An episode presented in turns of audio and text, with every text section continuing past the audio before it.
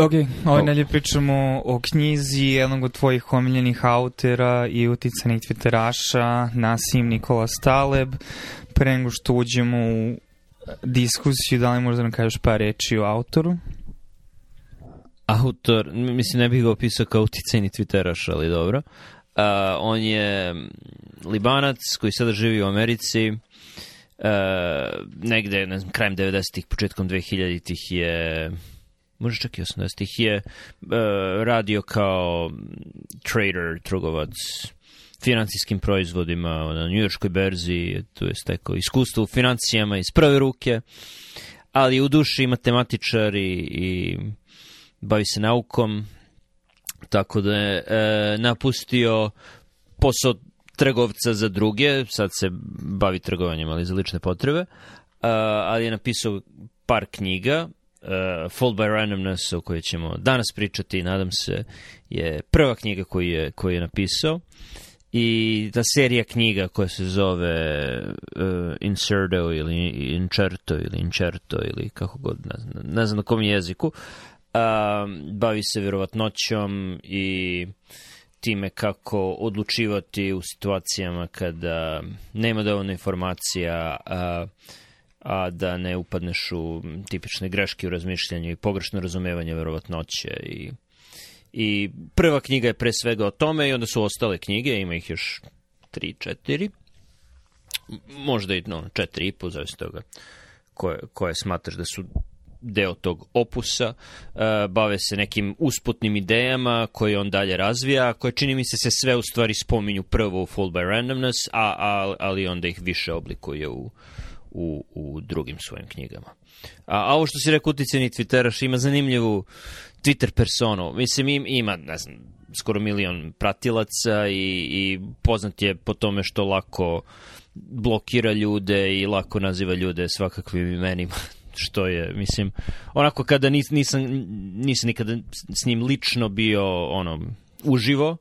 ali na Zoomu je sasvim okej okay čovek nije, nije, nije sklon kavzi i, i nije, nije onakav kakav je na Twitteru. On je valjda ukapirao da, da Twitter nije pravi svet. Je li to dovoljno informacije o Talebu? Da, da mislim da je sasvim dovoljno i, i mislim da da, kapiram da ćemo pričati o ostalim stvarima iz Inčerta u nekom trenutku, ali da se ideje preklapaju i da su samo na različitom nivou ono, razrede ne u smislu razređenja s njegove strane, nego koliko vremena ili opisa posvećuje, ali sve su međusobno ono, uh, interpenetrirajuće su ideje koje se tiču mislim, meni moj neki opšti utisak je um, na neki način nesavršenosti i našeg saznajnog aparata za interpretaciju događaja, pogotovo u kompleksnim sistemima kao što su stvarnost u kojoj se nalazimo, onda i stvari koje smo izgradili u smislu društava i stvari koje interaguju na, na, na mnogo nivoa. A koliko smo skloni zbog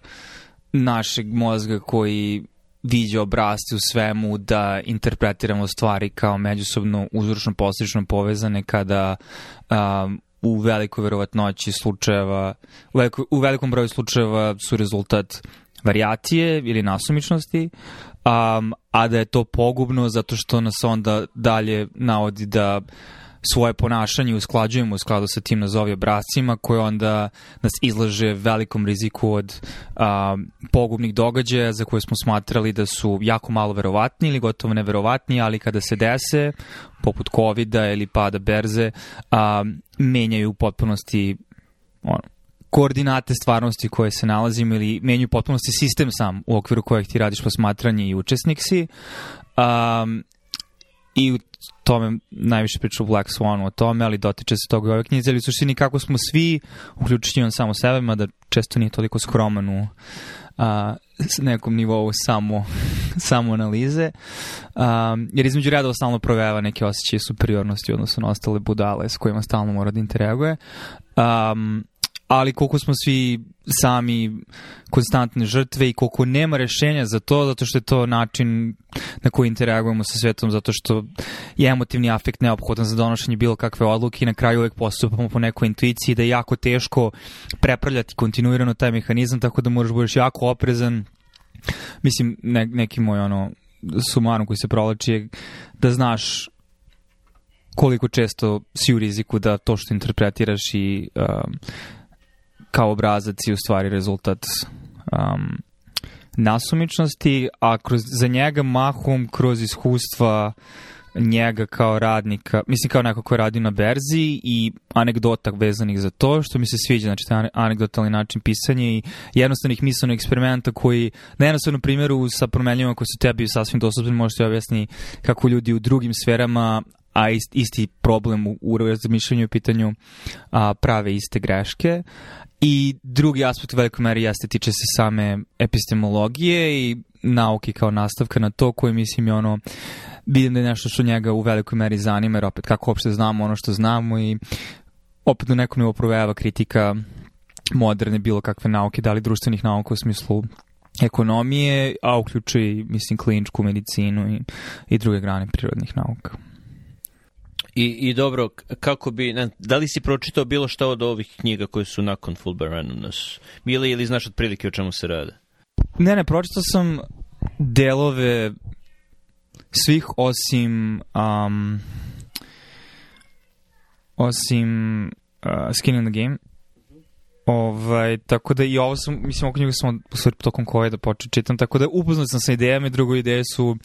Fulbright sam izašao na početkom 21. veka, tako da već neke od tih ideja su duže vreme na tržištu ideja. Tako da da, mislim, upoznat sam sa idejama iz, iz drugih knjiga. I to je ono što su mu prebacivali od početka i još uvijek prebacuju, kao ništa nije novo smislio, sve što spominje ili većinu stvari koje spominje, drugi ljudi su to tako formulisali i, i, i on navodi imena ljudi, ljudi pune, pune knjige referenci ali način na koji je to spakovano i način na koji kasnije knjige interpretiraju ono o čemu počinje da priča u Full by Randomness je ono što izdvaja Taleba u odnosu na Kanjemana u Thinking Fast and Slow, pošto su delovi Full by Randomness o ono što ga izdvaja od uh,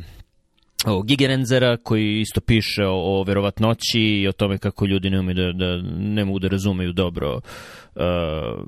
verovatnoću i te matematičke proračune koji su potrebni za, za razumevanje verovatnoće, ali oni se svi zaustavljaju tu, Gigerenzer, Kanjeman, dok Taleb to razvija u celokupni sistem razmišljanja od matematičkih osnova do etike i morala i religije što je ono, to, to, to je jedinstvena stvar koju je, koju je on uradio. A opet se vraća stalno na matematiku i, i na verovatnoću, čak i kad dovede stvari na, do nivoa etike i morala, ali to radi u kasnim knjigama. Fulbright Randomness je ono naj rekao bih najbazičnija, naj, najknjiškija knjiga od njegovih knjiga, jer jer ono, mo, može, u to vreme je izlazilo gomila takvih polu naučno popularnih knjiga i, i u početku su je ljudi svrstavali tu i, i sad kad je čitaš vidi se da vidi se kako je lako mogo, lako si mogo da, da, da izgubiš uh, značaj te knjige da, da nije došlo do, do knjiga koje su usledile. Da, mislim i da, on nema problem sa time da citira i mislim čovjek je definitivno i tekako upoznat sa ono, istorijom filozofije i nauke um, i kako se sada te starije ideje opet primenjuju na neki, i mislim da je to suština, znači primenjuju nekih tih koncepata na stvari kao što su financije, ekonomija, ono, um, društveni programi u smislu politika vlade za različite programe u smislu koliko a, u sistemima u kojima nemaš jasan odnos između onoga što radiš i, i posledice i tako, mislim, ovih karakteristika u kojoj meri uopšte možeš da se uzdaš u svoju interpretaciju svega toga, tako da ako ništa drugo, mislim, nijena, nijena ideja nije bila previše nova, opet delimično zato što je i on dosta uticajan u zadnjih par decenija po pitanju diseminacije tih ideja, ali ono što je bilo zanimljivo je čitajući, pogotovo kroz primenljive primere, što mislim da je dobra stvar je tebe ubacuje onda u taj mod razmišljanja da onda polako ti počinješ da kroz taj okvir posmatraš i druge stvari. Dosta zanimljivih ono, budućih referenci sam našao u smislu kroz koje treba proći. Znači, spomenuo si neke od njih Gezingera, a, naš Niederhofer, opet spomenuo i Huma, spomenuo i Popera, spomenuo, znači dosta, dosta ljudi koje, s kojima smo manje ili više površnji ili dublje upoznati, ali koji a, se korisno nastavljaju na neke od tih ideja. Mene opet bilo onda zanimljivo um, da vidim koliko preklapanja postoji između ovoga i stvari koje sada diskutuju, ključujući između ono, Vrveki i ljudi koji oni diskutuju, znači tipa Herbert Simon citira i, uh, i zanimljivo opet bio taj citat um, ili moment diskusije između ono Montanja ili kako već i, i Dekarta i kako živimo u opet.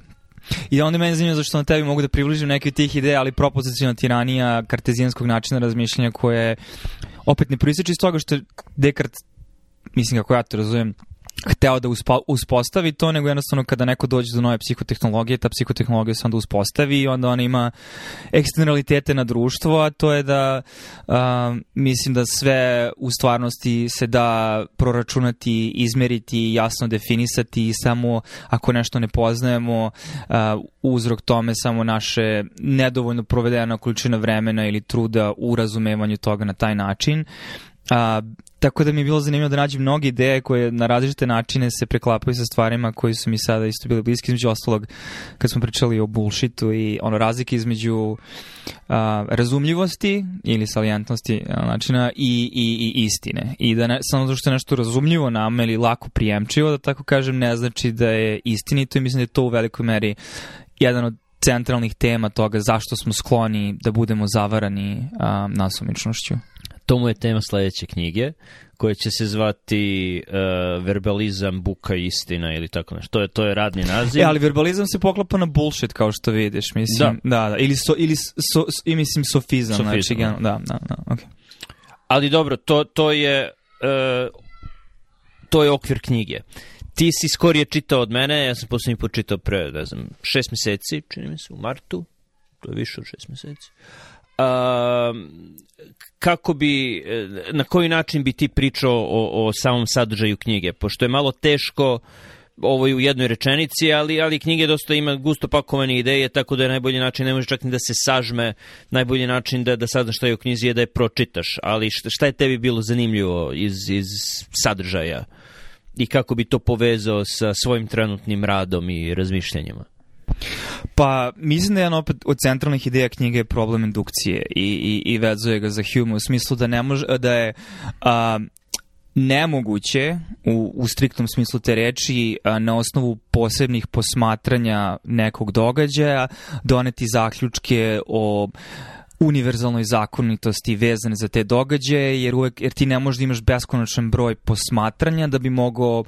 a, čvrsto da tvrdiš da a, je to zakonitost koja će biti primenljiva u svakom slučaju u budućnosti.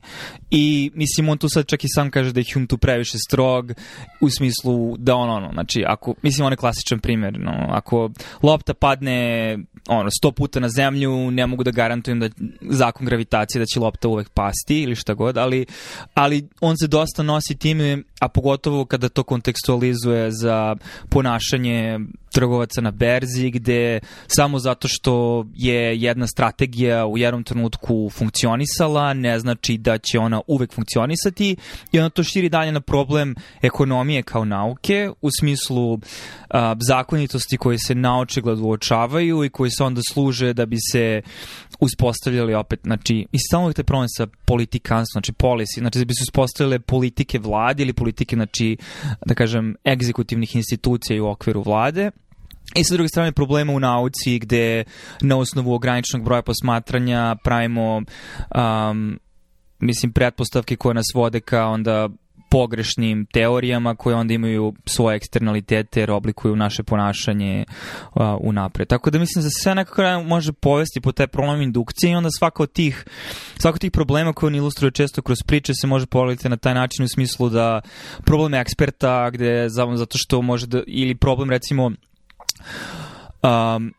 ocenjivanja kvaliteta nečije sposobnosti predviđanja na osnovu prethodnog učinka je ono uh, proporcionalno prethodnom učinku, ali u smislu u kojoj meri i koliko broj tih ponavljanja mora se desiti da ti to ne bi prepisao nasumičnosti i da ni ta sama osoba sama ne može to da zna, a, pogotovo ako nema dovoljno, opet, jako teško svima nama dostupne intelektualne skromnosti i rigoroznosti, jer je najteža stvar koju možeš da uradiš da se ono, razvedeš od sobstvenih ideja i ako ništa drugo, mislim, opet projeva ta stvar da spominje Soroša više puta da ga ceni po tome što jako je spreman da ono, ažurira svoja verovanja na osnovu novih podataka, ali da mi kao ljudi imamo problem sa tim. I sad mislim možemo dalje da razgledamo kako se to šira, ali to nekako meni se sve vezuje za taj problem indukcije i, i vezano za, znači, kad priča o Popperu, uh, problema hipoteza gde uh, hipoteze koje nisu koje ne možeš da dokažeš kao netačnim, falsifiable, uh, koje ne možeš da falsifikuješ, uh, nisu hipoteze koje bi trebalo, kojima bi trebalo da se služiš vezim za bilo šta što te navodi da dalje oblikuješ svoje ponašanje u skladu sa rezultatima toga što vidiš. A, a da stalno to radimo, radimo. To stalno radimo i u nauci, a kamoli u, u generalnu životu. Naročito u financijama, tako da mi je zanimljivo da je on došao iz financija. Ako, ako odeš na uh, sajt CNBC-a, koji je jedna od velikih uh, TV stanica koja se bave isključivo financijama, ako je radni dan za vreme trgovanja berze, naslov će prvi, najveći, osim ako nije, ne znam, novi 11. septembar ili tako nešto, uvek biti uh,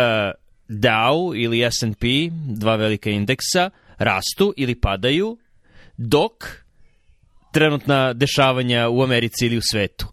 Tako da uvek povezuju dešavanja na berzi sa aktivnom situacijom, mada je jednako verovatno, ne znam, uh, uh, Dow Jones je pao 300 poena dok uh, rat u Afganistanu još uvek traje ili dok se Amerika povlači iz Afganistana ili berza raste dok se Amerika povlači iz Afganistana. I onda taj tekst ti nekako poveže te dve stvari kao da postoji uzročno-posledična veza. Neki put čak se potpuno obrane od, od prepodneva do kraja dana se potpuno obrane situacije i oni napišu tekst koji sada u drugom kontekstu objašnjava zašto je to svetsko dešavanje dovelo do ovoga. E, I po tome vidiš koliko nema veze sa drugim i koliko se ljudi lako zbune na sumičnim dešavanjima i koliko lako sebi pričaju priče. I ti možeš na, u svetu financije to da vidiš ono, svak, svak, svakog sata. Uh, u nauci je to malo sporije, ali u, u nauci je situacija identična. Da, i to mi je, ima jedan pasos, ne znam da sećaš, ali koji mi je... Uh, zašto je njegovo, uh, njegov s jedne strane intelektualna znatiželja i neki rigor koji je ili nasledio ili on sam imao pa ga je dalje razvijao i onda konstantno se sudarajući sa ljudima koje je nazivao budalama u svojoj sferi um, dalje ojačavao, pogotovo kad je shvatio da dosta tih ljudi, iako su kratkoročno uspešni, um, višestruko povećavaju svoj rizik za ogroman gubitak i da velika većina njih ne preživi, to je da je problem ono, selektivnog bajasa u smislu ograničenog uzorka posmatranja da ne možeš opet, opet sve se vodi na taj problem, znači ne može da znači da su svi oni dobri investitori i da i on na kraju napravio pare i mislim karijeru svoju investicijunu kroz uh, klađenje na stvari za koje je malo verovatno da se dese, ali kad se dese do, do, do, donesu mu profit. Um, ali ono što hoću da kažem, zašto mi je bio zanimljiv pasus, uh, zašto je cool što je to njegova poznanja, zato što financije imaju tu karakteristiku da imaju uh, mnogo podataka i da je to jedna od ono ljudskih disciplina da imaš gomilu numeričkih podataka o varijacijama vrednosti određene promenljive i onda ti možda nađeš hiljade načina koji možeš da koreliraš to i onda čak daje neke primere da bi pisao programe o pro, pređašnjim, gde bi on pokušao da trenira na neki način intuiciju prema tome koliko smo skloni da budemo a, zavarani a, nasumičnošću, bi gledao retrospektivno ono posmatranje na berzi i onda uočavao po znacima navoda zakonitosti u smislu neki obrazac koji u određenom broju posmatranja tipa tokom godinu dana performansa nečega može da predvidi kako će se ta varijabla menjati, ali opet to ne garantuje da će to uvek biti tako, ali kaže da to ljudi rade stalno u sadašnjem vremenu, kao što ti kažeš, da ono, pogotovo novinske agencije koje imaju svoje sisteme postice, to je da ljudi gledaju to konstantno, imaju potrebu da prave vesti od stvari koje nisu vesti i da to posmatranje opet... Mislim da ova knjiga u velikoj meri razvijanje intuicije i odnose prema znači, stvarima poput ovih i drugih stvar, drugim stvarima u životu gde ono, koja je verovatnoća da je promena u nečemu uh, rezultat nasumičnosti ili nekog stvarnog obrasta i kako treba da se odnosiš prema tome. I što je manji interval vremenski uh, u, bro, u posmatranju ili manje broj posmatranja, to je dramatično veća verovatnoća da, tako da on kaže, da, dao, osciluje par poena, ok, ali kad bi dao Asilovo hiljade poena u okviru dana, to je, to je obrazac i onda ima i s njegove isto kritika ljudi koji um, se opet, on to nazove venčavaju za svoje pozicije ili šta god, imaju problem da onda, ako su investirali u nešto, ne, ne žele da se nose sa stvarnošću, da se neka stvarno promena sad dešava i da to nije sad samo oscilacija, nego sebe ubeđuje da je to samo oscilacija da ima gomile primjera od ljudi koji su kupovali valute zemalja u razvoju tokom 90-ih i onda sad imaš gomilu primenjenih stvari i dan danas. I to ono što može svedoči nekom njegovom mislim, u smislu da stvari o kojima govori su utemeljene u istini, zato što je knjiga i tako kako promenljiva na stvari koje se dešavaju sada sa kriptovalutama, mislim, situ, ekonomskom situacijom i tako dalje. Da, to mi je bila nevjerojatna stvar, to sam čitao, knjigu sam čitao početkom ove godine i cela poglavlja o trgovcima, baš to, stranim valutama u Južnoj Americi, Istočnoj Evropi, koji su se bogatili i pričali priče o tome kako, ono, znaju šta se dešava i to je budućnost i to, dok jednog trenutka nakon, i ono, vidi kako se oni bogate i komšija ima bolje auto, veću kuću, lepšu ženu, šta god. I sve to lepo dok jednog trenutka sve ne eksplodira. I to sam čitao baš ono u martu, aprilu ove godine kada je e, kripto scena počela da eksplodira i ono postoji apsolutno paralela između ta dva i ono ljudi da su čitali ovo i da su razumeli situaciju, verovatno se to ne bi desilo, ali kao što sada znamo, to su bili ljudi koji ono, ne vole čit knjige generalno, a kamoli knjige koje je pisao Taleb. Ali ne samo to, problem je, dobro da, to je sad ja ne znam koji uzorak ljudi koji se e, bave ono financijama sada i koji su ljudi koji se bavili financijama pre 20 godina i koji su ljudi koji se bave financijama u kripto sektoru, šta god, ali mislim da šira poruka je da smo i tekako svi imamo problem sa nekim od tih jednostavnih, a opet abstraktnih koncepata u smislu a, nalaziš situaciji neko ti kaže ono, verovatnoća da dobiješ je jedan u hiljadu i možeš da dobiješ hiljadu dolara, a ako izgubiš treba da daš jedan dolar. I da li to opklada koju bi napravi, recimo da nije nam intuitivno da treba da napraviš ono, i to je isto jedna od većih ideja, razlike između očekivanog ishoda i maksimalnog ishoda, znači to je stvarno um, u smislu ekstremne varijante tog ishoda, da li ona bila negativna ili pozitivna i tekako treba da utiče na tvoju odluku da li ćeš se upuštati u neku vrstu rizika. I ovaj, stvari poput toga ili opet ono, pričali smo skoro o tome, znači ideja o tome da ono u domenu medicine, znači senzitivnost i specifičnost testa nisu nešto, performanse testa koje radimo nešto što intuitivno nama leži dobro i da treba na neki način da stalno treniraš sebe, da razmišljaš na taj način, gde je primjer kojim se služi to da ako test koji ima uh, verovatnoću 5% da uh, to je ono da da je odsetljivost testa 95%, znači da je 5% ovaj, uh, false positive rate, da ovaj, u slučaju dijagnoze bolesti čiji učestvalost 1 od 1000, koja je verovatnoća da pacijent koji ima pozitivan test a, je to lažno pozitivan i dao je primjer, mislim on citira stvari, ovo je bila studija, ali to me ne iznenađuje zato što, mislim, bilo više studija na tu temu da je većina lekara rekla da je verovatnoća pacijenta koji ima pozitivan test da ima bolest 95%, to je stvari s obzirom da a, 5% testova koji su pozitivni će biti lažno pozitivni samim tim um, ako ono, bolest je 1 od 1000, znači da uh, ćeš od tih 1000 testova imati 50 testova koji su lažno pozitivni za jednu osobu koja je stvarno pozitivna i u stvari verovatnoća da osoba koja ima pozitivan test stvarno bolesna je 2%. Znači, totalno gotovo diametralno suprotan odnos prema nečemu što opet čime se služimo i, i tu, tu se osjećam sa njegovim um, neki način, nije, mislim dobro, on malo više da neki ono gnev slash, mislim ono malo i ono kao tongue in cheek uh, ili iritantnost uh, ili iritiranost time što ima gomila tako nekih sfera u okviru znanja, nauke ili čega god gde uh, se na nekom nivou svi pretvaramo kao da razumemo nešto zaista, a, a elementarna stvar je nešto što je problem o kojoj se ne diskutuje i samo zato što nije nešto što nam je intuitivno. Mislim zato što je to nešto što, zato što smo vrlo verovatni da imamo slepe mrlje. Ne znam da razumeš šta hoću kažem, ali mislim ono, kad interpretiraš podatke, kad diskutiš na lab meetingu ili na journal clubu ili šta god, koliko često se zaista pitaš, ok, ali koja je vjerovatnoća da je ovo nasumično, hajde da stanemo i da ne gledamo grafikovanje, da pravimo ideje zašto je ovo tačno, nego hajde da probamo da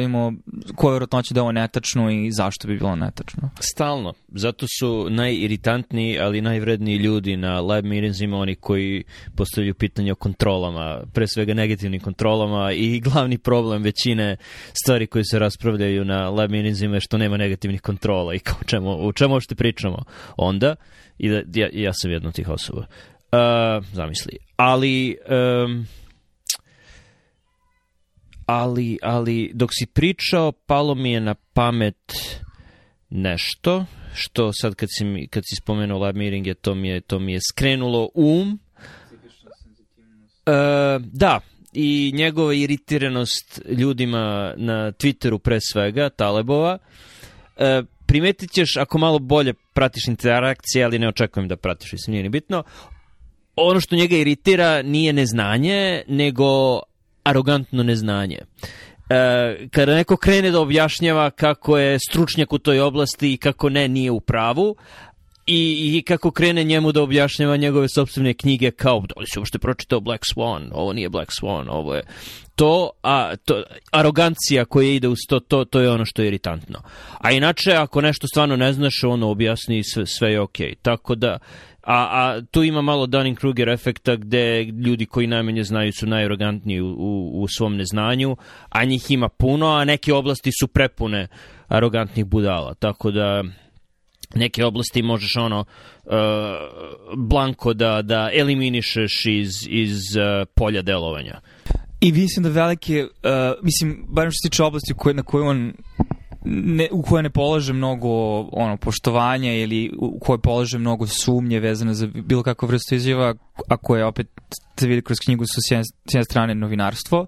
pogotovo novinarstvo koje komentariše međusobnu povezanost događaja, pogotovo u finansijskom sektoru,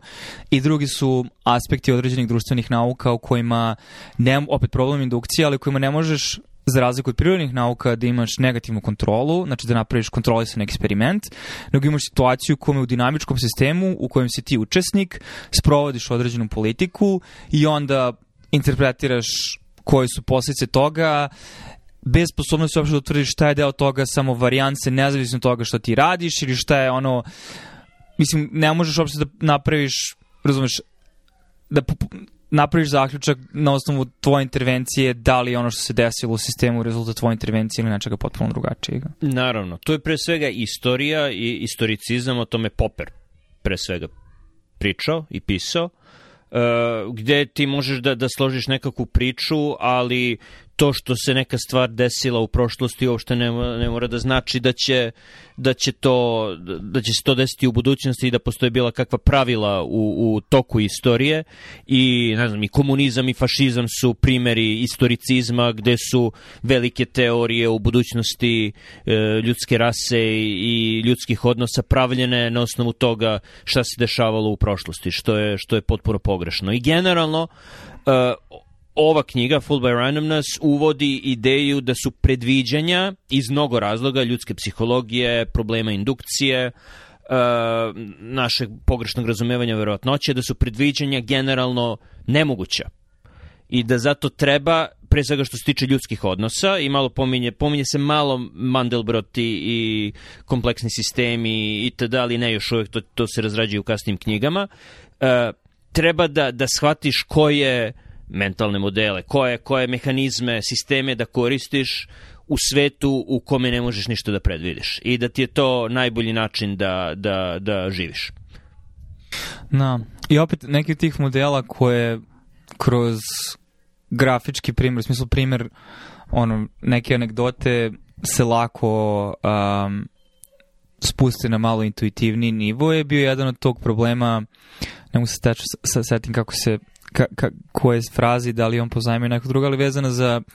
istorijska predviđanja, u smislu to se nikad nije desilo, ali on imaš problem prošlosti, same prošlosti, u smislu da i događaj koji se desio u prošlosti se nikad nije desio u prošlosti pre te prošlosti. Tako da u trenutku kada se neki veliki događaj desio, koji je najveća varijacija u tom sistemu, tipa varijacija u ceni ili indeksu berze ili ono obimu pandemije, a, ne znači da taj događaj kada se desio je bio najekstremniji događaj u istoriji do tada, tako da to ne isključuje da će se još ekstremniji događaj desiti u budućnosti i naprotiv govoriti o tome da je verovatno da ekstremni događaj koji se desiti će biti još u većoj veće amplitude. Da, to, to crni labud dalje razrađuje, to je EVT, Extreme Value Theory, teorija ekstremnih vrednosti. To su distribucije verovatnoće koje nisu normalna distribucija, gde, ti, gde uh, većina, većina informacija dolazi ne iz medijane distribucije, nego dolazi iz ekstrema distribucije. I ako dođe do jednog ekstrema, jedino što ti to radi govoriti da, da budući događaj može biti mnogo gori od toga. Uh, on je i neke lične primere, nedavno je bila poplava u Njujorku i on je bio obezbedio svoj podrum u Njujorku da, da bude, ne znam, dva ili tri puta veći od prethodnog najviše nivoa poplave i onda je podelio slike gde je, gde je poplava prebacila i to njegovo predviđanje dokle će biti, tako da su mu neke stvari bile uništene. Mislim, primjer toga koji je blizak meni ili nama je a, vezan bio za ono ocenu Sjedinjenih američkih država od stranje nekog internacionalnog komiteta, ako ne i same svetske zdravstvene organizacije, mislim da ja se to bilo pre same pandemije vezano za pripremljenost za buduću pandemiju nekog infektivnog agensa koje je bilo ono u odnosu na sve ostale države 10 od 10 uh, gde brzo ono dođe situaciju da ništa toga nije račun situaciju u kojome će velike količine ljudi trebati im uh, ventilacija, to jest respirator i šta se desi kada se napravi usko grlo u visoko naseljenim zonama gde bolnički kreveti su optimizirani da budu konstantno zauzeti da bi bolnica bila što profitabilnija. U smislu, znači opet vezano za podrom, količina elasticiteta ili količina znači um, sposobnosti sistema da izdrži neku oscilaciju treba da bude ono nekoliko redova veličina veća u odnosu i opet ni to ti ne garantuje u kojoj meri će budući događaj ekstremni u budućnosti biti, ali to je jako teško nama, evo je opet primjer iz naše lične okoline, od, skoro od pre nedelju dana, ljudi koji su pomerili svoje letove zbog nadolazeće uh, najavljene oluje koji su onda leteli dan ranije, sledeći dan shvativši da nije bila toliko oluja i onda zaključak koji donose je ok, znači nije trebalo da otkažem let, umesto ko zna šta još mogo da se desi, ovo je jedna od potencijalnih budućnosti i ovaj pripremno da uradim to, sam sebe obezbedio od gomile drugih ekstremnih situacija u kojima bi to definitivno bila pogrešna odluka i mislim, samo da se vratim opet na to je često vam spomenuto našu nesposobnost i zato koristi taj Monte Carlo mehanizam, to je mini simulator na nivou kompjutera, ali problem sa stvarnošću što ima mnogo više promenjivih i mogućih ishoda. A, to da ti ne znaš koje su sve budućnosti koji se nisu desile, tako da donošenjem zaključaka u ispravnosti tvojih odluka vezanih samo za liniju koju pratiš što više kumuliraš, da kažem, uh, interpretaciju svega toga iz događaja A u B, u C, u D, sve više povećaš verovatnoću da je to rezultat nasumičnosti uh, ili, mislim, ne obezbeđuješ sebe uh, za ishode koji su isto verovatni, ali se nisu desili samo da što ti na određenoj vremenskoj liniji, da tako kažem. Ne, ne, ne znam da li, mislim, nisam baš najbolje Ne, naravno, to je kao da, da uh, gledaš nekoga ko je šest puta uzastupno igrao ruski rulet i zbog toga osvojio 150 miliona dolara, da kažem, jer je eksponencijalno sve veći, i veću sumu dobijao. I onda kažeš, a pa da, eto, ja sam budala što nisam igrao ruski rulet. Ne, nisi budala, jer ima još 20 ljudi koji je igralo ruski rulet sa tom osobom i svi oni su sada mrtvi. Tako da, da to se stalno ponavlja u, u svim sferama života gde, naročito kad ljudi se upoređuju sa drugima uh, i ne znam, do pre godinu dana upoređuješ se sa nekim ko je kupio Bitcoin kad je košta 200 dolara I, I kao, pa, eto, on je pametan i sad ima gomile razloga, ovo je moja filozofija života, ja sam stoik ili ja sam budista ili ja sam ovo ono i ne znam, budim se u pet ujutru i ovo je moj ritual, ovo je moj ritam, o, ovo, je, ovo je moj stav o životu i ti sad misliš, aha, znači, tako živiš i onda ću ja biti dovoljno pametan da kupim Bitcoin kad košta 200 dolara, a ne, u pitanju je čista sreća, Uh, ili na kraju, kao što se vidi, nesreće, jer gomila ljudi je izgubila svu svoju šteđevinu i izgubila porodice, brakove, uh, zbog ovoga što se dešavalo. Tako da je, da je bitno da, da to je ono što kažeš, razviti, razviti intu, intuiciju po pitanju uh, verovatnoća, izbjegavanja najnegativnijih izgoda i izlaganja sebe pozitivnim ishodima, o tome se pre svega radi, bavi Anti-Fragile, ali se spominje i u Full by Randomness, da je to neki intuitivni način uh, nošenja sa, sa nemogućnošću ljudskom da, da predvide budućnost. Koji, mislim, on ilustruje najviše primjera nama nije blizak, zato što vratno nismo evoluirali za takav način razmišljanja, nam je jako teško da zamislimo uh, paralelne budućnosti koje su istinite u isto vreme. Jedan primjer je ono, treba da ideš na odmor i možda biraš da ideš na odmor u Pariz da bi gledao slike u muzeju ili možda biraš odmor da bi na Bahame da bi se ladio na plaži i recimo šanse su 50-50 da će šest meseci od sada ići na jedno ili drugo mesto, ali čak i tada znajući da će jedan od ta dva, te dve stvari biti ishod, tebi je teško da zamisliš obe te stvari um, kao jednako verovatno u smislu zamisliš budućnost u kojoj su obe od ovih stvari jednako istinite i da će jedno od njih biti ishod. I mislim, kaže, ne možeš zamisliti da je tvoja glava u muzeju gleda slike dok su tvoje, tvoje stopala u pesku. A, to je jedna stvar, druga stvar opet taj survivorship bias koji ilustruje to da uvek kada pogotovo kroz medije, kada se kroz taj filtr provuče i onda i socijalne medije i tako dalje, da ti vidiš primere ljudi koji su preživali ruski rulet, a ne čuješ za 99% ljudi koji su nestali i bili izbrisani i opet na neki način koji ilustrira ono post hoc, ergo propter hoc ili u smislu da zato što je neko nešto radio u nekom trenutku i nešto se vremenski desilo posle toga da su te dve stvari međusobno uzročno posledično povezane, znači rituali šta god pripisano svoje određenoj filozofiji ili kulturi življenja i da je problem sa time što kaže, znači ako neko bio uspešan u svom polju i sada uh, novinari pričaju sa njim i kako ste došli do ovde. Zato sam uvijek imao problem sa personal statementom za, za residency. To zašto meni to uvijek dalo kao velika, mislim, laž, zato što ti treba nekome da objasniš kako si na jer moj neki odnos je da gomila stvari u životu ti se desi nasumično, u smislu nađeš se u situaciji koja onda oblikuje kako ćeš ti dalje ići. I naravno oni ti događaji nisu nebitni, ali daleko od toga da nisi mo, ne možeš da sebe vidiš u nekoj totalno drugoj profesiji, ne samo u okviru svoje profesije, nego u drugim profesijama u potpunosti, samo da je u nekom trenutku su tvoje interesovanje malo različito oblikovane i da si više vremena proveli bi izložen stvarima ili ljudima koji su onda učinili da to možda bude izvor tvoje želje, tako da kad neko kaže od uvek sam želao da se bavim time i sva, svaki niz mojih odluka tokom života su bile stepenice kao ovom putu i zato nas, planiram dalje da u narednih 5, 10, 15 godina dostignem ove instance. Ok, mislim, ali u velikoj meri većina svega toga je ono bullshit, mislim, to je laži koje govorimo sami sebi. O da, uh, i to se propagira i ohrabruju se ljudi da na taj način uh, pišu i predstavljaju sebe i svoj rad. Uh, uvek će mi ostati u sećanju radionica koju sam pohađao o pisanju grantova na, tamo gde ti sad radiš, gde sam ja radio. Uh, gde je šef za medicinsko obrazovanje ili postgrad medical education pričao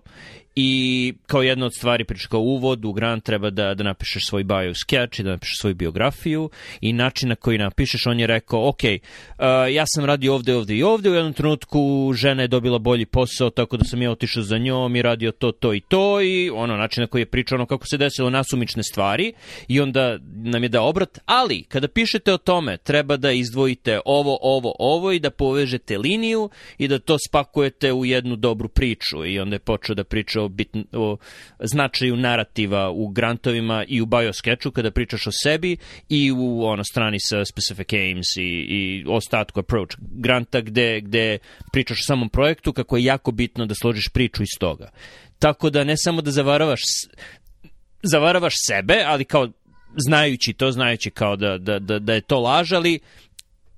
ti samom slaganjem te priče i pakovanjem toga drugima svesno lažeš druge ljude praviš narrative fallacy i onda krene samo zavaravanje, jer ako dovoljno puta to radiš u pisanju granta i ti ćeš početi tako da razmišljaš. Ili ako na dovoljno intervjua odeš sa određenom pričom o svom putu i to se vraća na ono što smo pričali početku opet što se tiče bullshita i da li je bullshit, da li možda bullshituješ samog sebe, ali to je ono na što ja mislim kad kažem o tome da ti menjaš svoj salience landscape ili ti menjaš ono što je tebi razumljivo i to je sad ta tenzija između istinitosti i razumljivosti. I problem kada tebe nekom, znaš zašto uopšte tebe neko radionici pisanja grantova motiviše i podstiče da radiš stvari za koje na nekom nivou svi znamo jesu samo zavaravanje koje prerasta u lažni narativ je zato što neko ko čita to mnogo mu je prijemčivije, mnogo mu je ono razumljivije, mnogo mu je jasnije kada vidi priču koja je međusobno koherentno povezana u neki uzročno posljednični niz, jer tako naši mozgovi funkcionišu, nego kad kažeš preselio sam se u ovom trenutku ovde zato što mi je supružnik ili zbog porodice ili zbog škola svoje dece ili ne znam, zato što sam nisam u potpunosti bio siguran jer tri mesta koje su mi nudila slične ponude i jedna od tih stvari je presudila zato što u tom trenutku nisam ni ja sam bio siguran zašto donosim tu odluku. Tako da, na neki način, mi sami smo i uzroci i, i, i onda dalje ono, dalji podsticiva, podstakivači ne, ne, a, takve vrste ponašanja koje onda jako teško iskoreniti a, jer ono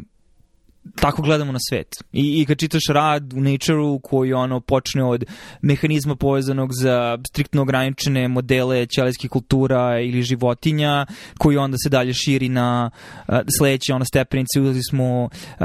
patient-derived xenografts i onda smo posle toga uzeli archival tissue svih tumora iz TCG atlasa i uradili smo uh, ono bulk RNA-seq da bismo vidjeli da smanjivanje, da ljudi koji su imali manju ekspresiju ovog uh, gena koji smo utvrdili je bitan u ovom metaboličkom putu, imaju bolje ishode, samim tim treba da pravimo kliničku studiju koju ćemo davati blokatore ovog metaboličkog puta u kombinaciji najvjerojatnije sa hemoterapijom da bi pacijenti sa karcinomom živjeli duže. Da, ali te, te, ti xenografti i podaci iz uh, eh, TCGA pale samo kod ljudi koji kreću iz in vitro kultura, jer onaj ko se bavi kliničkim studijama zna da to nema veze sa životom i generalno ne možeš da, pričali smo već o tome, ne možeš da ekstrapolišeš iz životinskih modela. Da ponovim, životinski modeli su super za proveru uh, biodistribucije, za proveru teške toksičnosti, da ono, da li je nešto toksično za sve sisare, ništa. I, i za proveravanje ono molekularnog puta. Ako hoćeš na neki malo komplikovaniji način da pokažeš ono što bi inače mogu da pokažeš i, i in vitro u kulturi, ali za bilo kakvu ekstrapolaciju ne. Ok, i samo da ne bi širili previše dalje priču, ono, knjiga, iako je linearna, je i cirkularna, zato što su koncepti takvi, i, ovaj, ali neke stvari koje su opet oblikovale moje razmišljenje u, u prethodnih nedelju dve dok sam, dok sam čitao, ovaj, a vezani direktno za naše, za, naše, za našu delatnost, opet bile su dodatna podvlačenja bitnosti nekih aspekata kliničke, istraži, kliničke medicine i kliničkog istraživanja, to je recimo eto, selection bias ili opet problem indukcije u tome kada tebi dolazi pacijent koga ti skrinuješ za određenu studiju i u kojoj meri onda ti na osnovu rezultata te studije dalje ekstrapoliraš um, ideje o tome kako će to funkcionisati na populaciji, a gdje ti je vrlo jasno da pacijenti koji dođu do tebe na studiju su vrlo selektivna populacija, jer su to ljudi koji su bili dovoljno zdravi, da posle dve linije terapije, vrlo agresivnog tumora, dođu do tebe i ne samo da dođu, nego da su pričali s tom pre dve nedelje, došli do tebe, uradili screening laboratorije, uradili studije, e, mislim, koje su neophodne da bi uopšte ušao na studiju, onda su bili dovoljno zdravi da dođu svim danima, da uzimaju sve laboratorije, laboratorije koje ti uzimaš za samu studiju,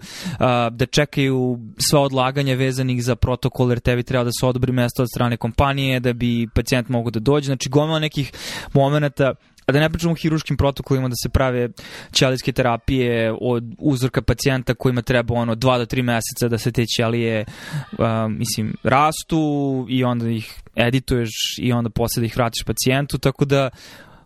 ali onda izađe rad u New Englandu gde jedan pacijent s ovom mutacijom i ovim karcinomom živi već pet godina i nema više taj karcinom i onda to objave novine i onda tebi dođe pacijent koji kaže da li mogu ja ovo da primim, ovo očigledno spašava i leči tumore, ne savtiš kroz koliko, da kažem, levaka ili koliko uskih grla je osoba koja na kraju imala benefit od svega toga došla, da u nekom trenutku se poslije pitanje, mislim naravno, koliko je to primenjivo na opštu populaciju. Da, i to šteti medicini na više načina. Uh, prvi je što, što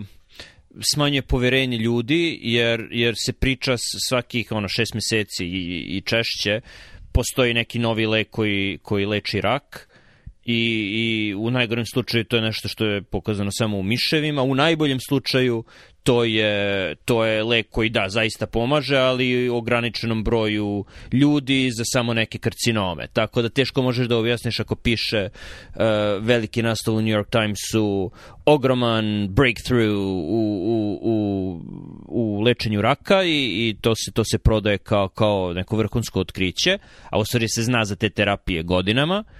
teško je objasniti pacijentima i, i onda dolazi do nepoverenja. To je jedna stvar. Druga stvar je takve studije, ako je lek u pitanju dostupan za drugu indikaciju i koristi se off-label, van indikacije u studiji, onda ljudi mogu, onda ti ako radiš tu studiju, ti znaš koliki je selection bias i znaš koliko se ljudi mora da odbiješ od studije, koliko ljudi je umrlo pre nego što je ono, između screeninga i, i lekova i, i prvog dana terapije ako prođe dve, tri nedelje, ako je agresivan karcinom umreće za to vreme, ti imaš tu informaciju, ta informacija se često ne objavljuje, ali osoba koja, ne znam, radi u zapadnoj Virginiji ili u Nebrasci, u community klinici, koja čita uh, JCO ili još gore čita one tercijarne časopise koji su uglavnom propagandni materijal koji su puni fotografija raznih onkologa koji daju mišljenje o najnovijim istraživanjima i, i najnovije terapiji. Ako čitaš samo to i pročitaš, a pa ovo je uh, response rate je 30% za ovo na osnovu ovog leka, onda gubiš svoje vreme, taj lekar gubi svoje vreme jer mora da provede par sati sa osiguravajućom kućom da se odobri propisivanje tog leka zbog, e, za van indikacije koja je odobrena i gubi vreme pacijenta koji je izložen gomili toksičnosti i financijskoj i biološkoj toksičnosti i vremenskoj toksičnosti jer moraš stalno da ideš kod lekara umesto da provedeš vreme sa porodicom i, i to je negativno za sve. I dodatno se prlja literatura jer proizvodi gomilu buke I, i, i ne, ali, ali ne znam koji je izlaz iz, iz te situacije. I to, I to je moj strah vezan za sve to, ovaj, a to je koliko je proliferacija, samo znači toko mo, moj, moje subspecializacije, količine radova, pogotovo kad se upustiš u neko polje i hoćeš da napišeš revijski rad ili kreneš da kopaš po literaturi, koliko je uopšte teško iznaći signal u, u moru buke, a koliko a, trenutni sistem a, akademskog publikovanja i postice vezanih za količinu publikacije neophodno da bi vezanih za tvoju karijeru i koji nije direktno čak vezan za čisto naučnu karijeru, nego često i u karijerama koji su ono aj kažem akademski, po tvojoj definiciji da si ti profesor na nekoj instituciji mahom se baviš didakt, didaktičkim aspektom obrazovanja, opet postoji neko očekivanje da ti treba publikuješ neki case report, treba publikuješ možda neku meta-analizu, možda nešto bla bla bla i doprinosiš sam svemu tome, a drugo što kroz uh, nove um, nove, pošto ona količina papira ili količina drveća na zemaljskoj kugli je ograničena, a, ali daleko je ograničenije od količine bitova koje mogu da budu e, sačuvani na nekom serveru, te samim tim broj časopisa koji mogu da publikuju stvari i da guraju te stvari kroz različite kanale preko interneta je dramatično porastao, a i oni imaju taj polupredatorski uh, open access moment gde uh, super nauka je open access, želimo da svi imaju pristup svom znanju, ali se oni posle da taj časopis tebi naplaćuje 5000 dolara da bi ti publikovao nešto i da postoji taj međuzavisni odnos međusobnog iskorišćavanja gde opet taj časopis možda ima nekog sa neke poznate institucije koja je to bio urednik za ovaj broj specijalnog izdanja i napravio pare naravno, ali gomila radova tu koja je napisana koja ima ono, kako, kako se proliferiše broj časopisa, sve više raste vjerojatnoća da vrednost tih stvari opštem razvoju nauke je sve manja i približava se, mislim, ono, nuli. O da. E, to, to, taj kriterijum uh, naučnih publikacija za residency, za fellowship, dosta doprinosi proizvodnji buke u kliničkim studijama i za, za kliničku medicinu, jer ljudi misle, pa dobro, bar će objaviti case report, bar će, bar će objaviti ono, seriju od 5-10 slučajeva, to je u redu kada bi bili potkovani znanjem o verovatnoći i mentalnim sklopom koji je opisan u Fall by Randomness i da iz, to, iz te perspektive naprave nešto. Da iz te perspektive analiziraju podatke. Ali ono što se desi je pričica sa par referenci koje idu na neki review članak koji nije čas, čak ni, ni, ni meta-analiza i ti kada hoćeš da pretražiš literaturu dobiješ stotine takvih radova i ne možeš da, da pronađeš ono što ima bilo kakav informativni sadržaj odatle. Tako da, da a, a način da se to izbegne je da, da je bolja edukacija na fakultetu, Uh, i ne mislim samo na medicinu, u svakom polju bolja eduka, edukacija o, o verovatnoći i, i mentalni sklop koji nije nije sklon predviđanjima, predikciji, nego koji je sklon uh, snalaženju u situacijama nesigurnosti.